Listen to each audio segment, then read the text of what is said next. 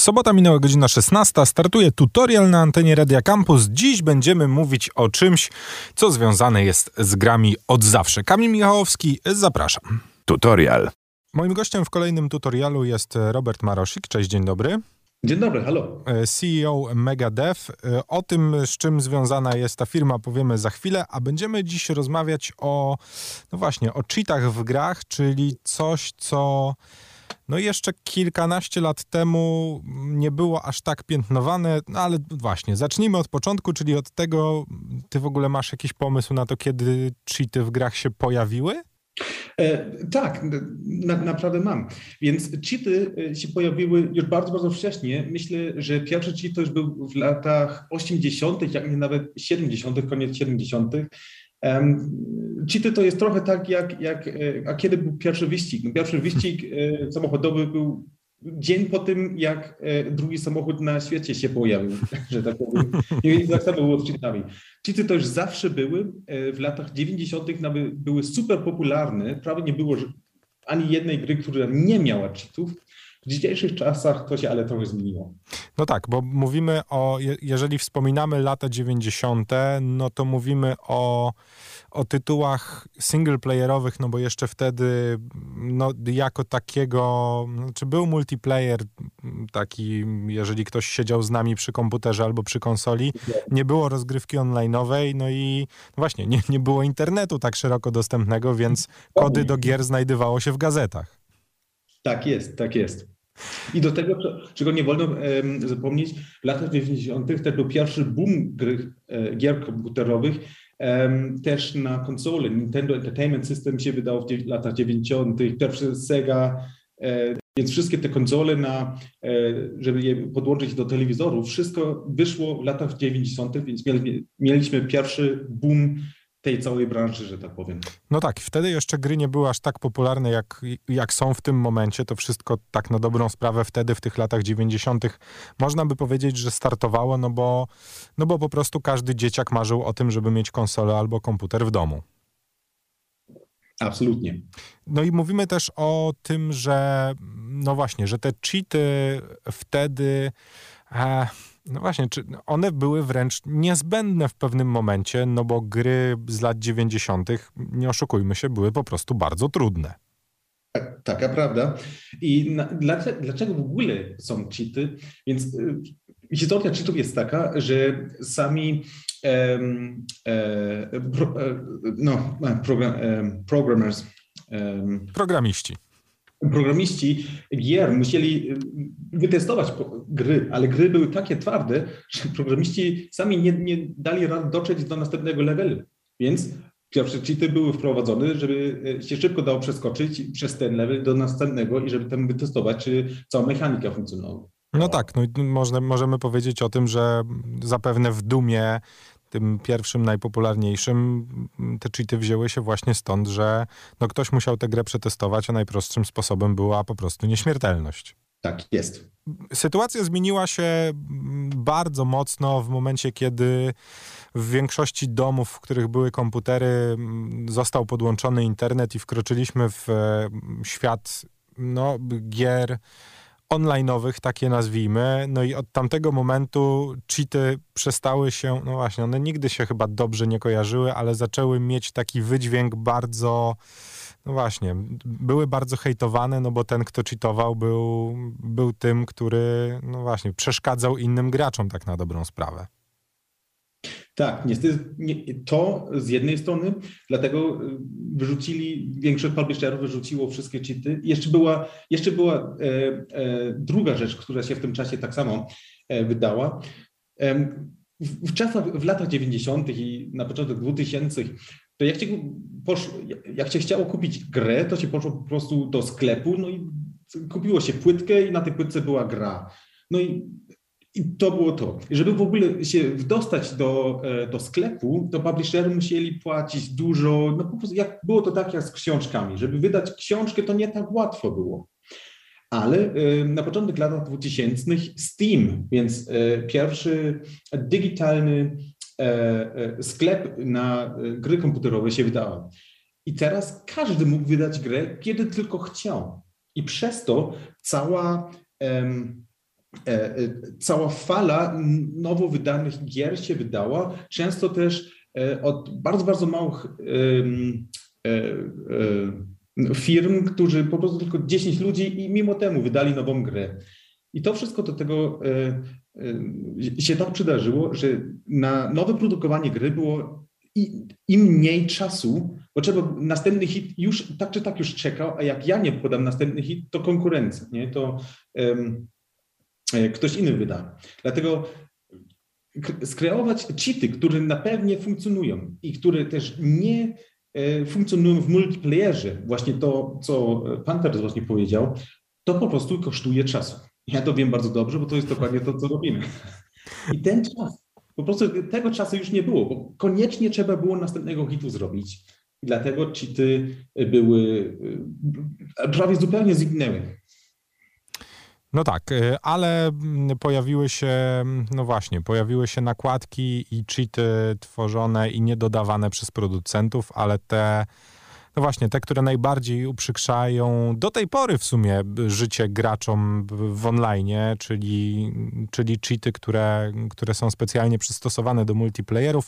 O nich może nie rozmawiajmy, bo to jest zupełnie kategoria, której ja chyba nigdy nie zrozumiem i pewnie nikt z nas, nikt z nas nie zrozumie, ale będziemy mówić o, no właśnie, o tym, czy, czy, czy ten wasz pomysł na cheaty, a, no właśnie, czy możemy powiedzieć, że to cheatowanie będzie, będzie dobrym cheatowaniem?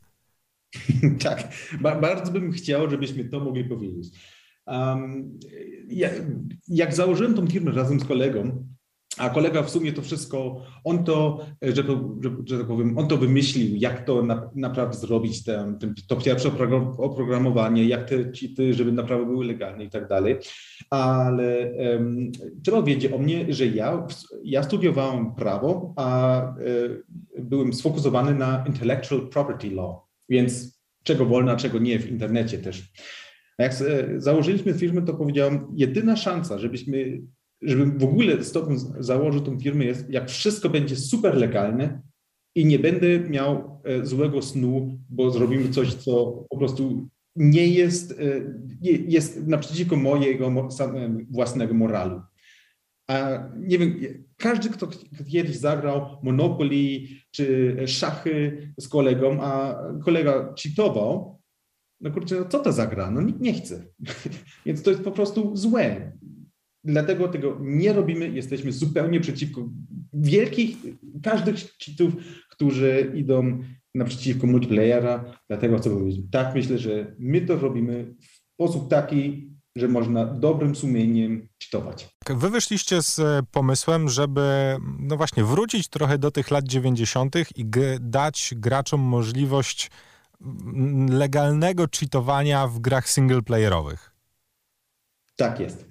No właśnie, a mieliście, był jakiś moment przełomowy, w którym to wymyśleliście, że nie wiem, graliście w, strzelam, Dark Soulsy, nie dało się przejść do kolejnego bossa i stwierdziłeś, a to przecież to gra singleplayerowa, czemu nie mógłbym trochę oszukać?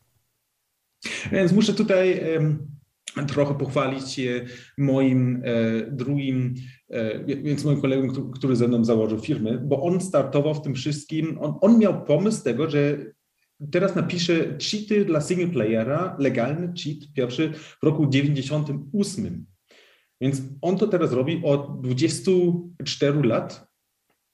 I jak myśmy się spotkali w roku 2013, to on już miał tam swoje e, jakieś 5 tysięcy ludzi w swojej community, e, którzy, dla których on pisał cheaty i oni mu tam trochę tam drobiazgi podali, albo na kawę go zaprosili, albo coś takiego. I jak myśmy się spotkali, to właśnie mówiliśmy o tym, czy nie da się z tego zrobić e, biznes.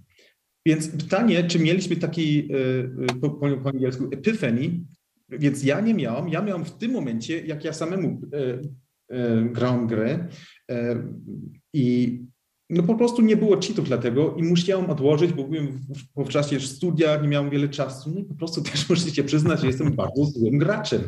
No niestety, no co zrobić, no. No tak. No co zrobić? No, I wtedy trafiłem właśnie na mojego kolegę i on powiedział, no nie ma sprawy tutaj, tak czy tak, już mam to i to piszę, tu masz e, parę cheatów. Wtedy powiedziałem, ale super, no. ile to musi być ludzi, właśnie jak, jak mnie, którzy uwielbiają gry komputerowe, ale po prostu nie mają czasu albo energii, albo po prostu nie mają talentu, żeby to naprawdę każdą grę dokończyć. A najlepsze to zawsze na koniec gier, więc no tak, bo mo możemy, możemy po pierwsze pomyśleć o graczach, którzy, no właśnie, albo zaczynają dopiero grać, e, albo, no właśnie, nie są po prostu najlepszymi graczami na świecie i nie, e, jakby nigdy nie dojdą do poziomu, w którym będą w stanie ukończyć dany tytuł. A po trzecie, możemy też pomyśleć o osobach, no właśnie, w sumie to takich trochę jak na przykład ja, czyli trzydziestokilkulatkach, którzy już nie mają czasu spędzić czterech godzin dziennie przed konsolą. No a jeżeli mamy tytuł na 100-120 godzin, to przejście go mi na przykład zajmie pół roku, nie? No tak jest, no dokładnie. I um, też, jak, jak już rozmawialiśmy o e, cheatów w multiplayerach i cheatów w single player, to trzeba też, jest też bardzo, jest też bardzo ważna różnica. Um, myśmy e, zrobili studię, więc kto w ogóle cheatuje na świecie? Kto to jest? Co to są za osoby?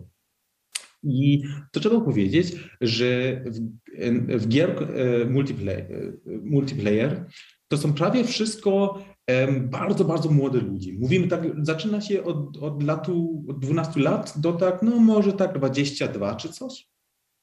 Też, wiesz, od czasu do czasu też trochę, e, trochę powyżej 22, ale tak to jest mniej więcej.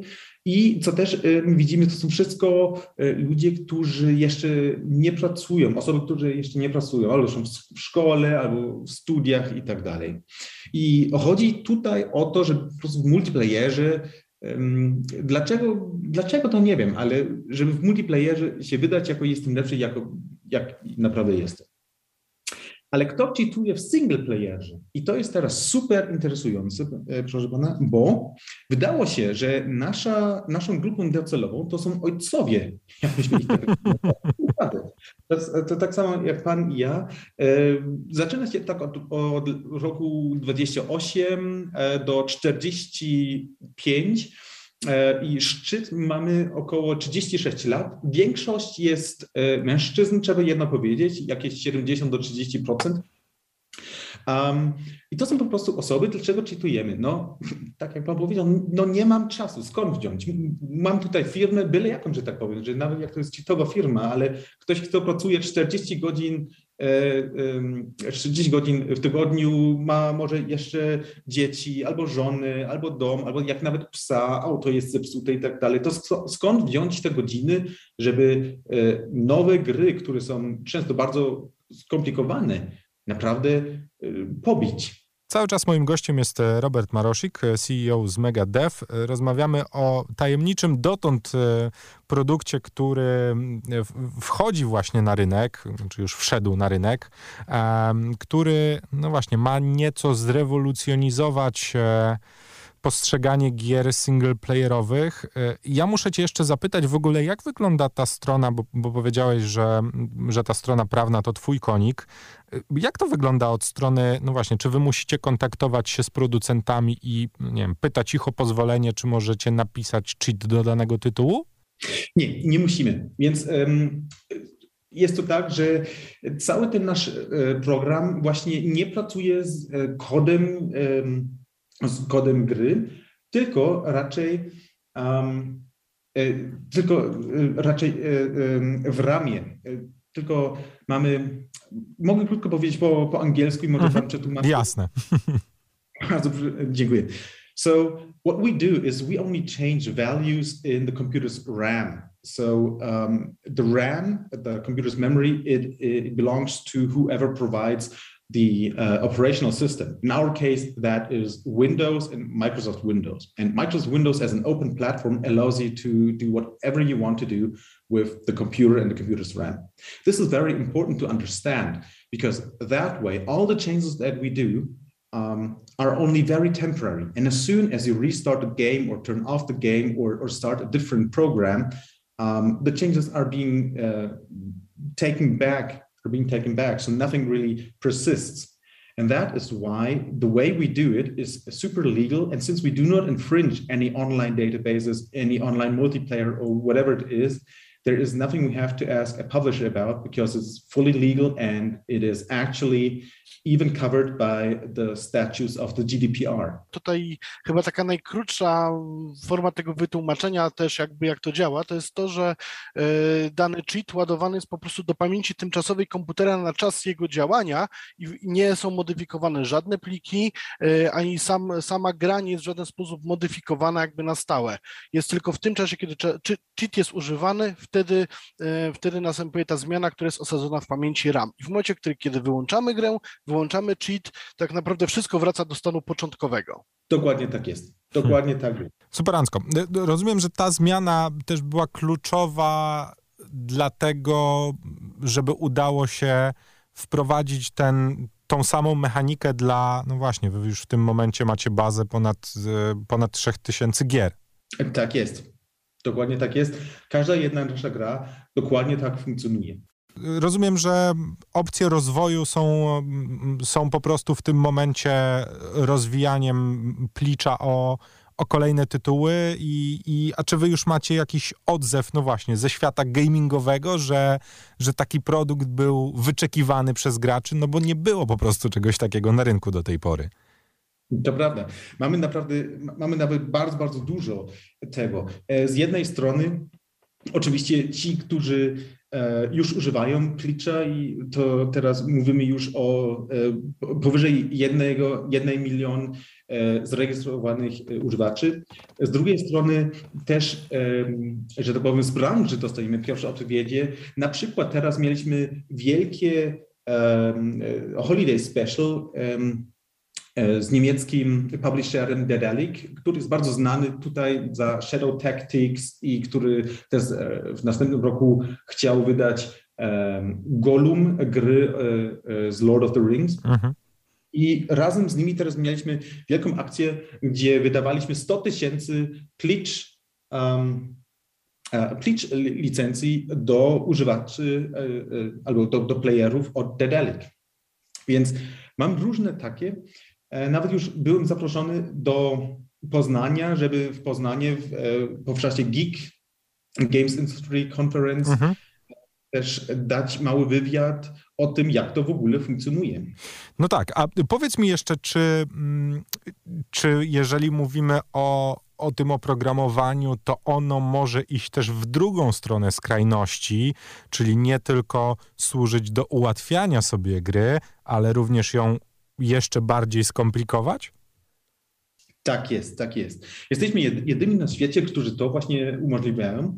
Um, I to nam daje coraz więcej um, gamerów, którzy właśnie chcą trochę się, się sami wypróbować, że tak powiem, ale też sami trochę trenować.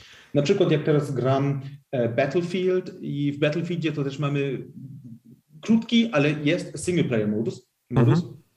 I to chodzi o to, Battlefield to się, w sumie to jest gra na multiplayera, zawsze było to tak pomyślane.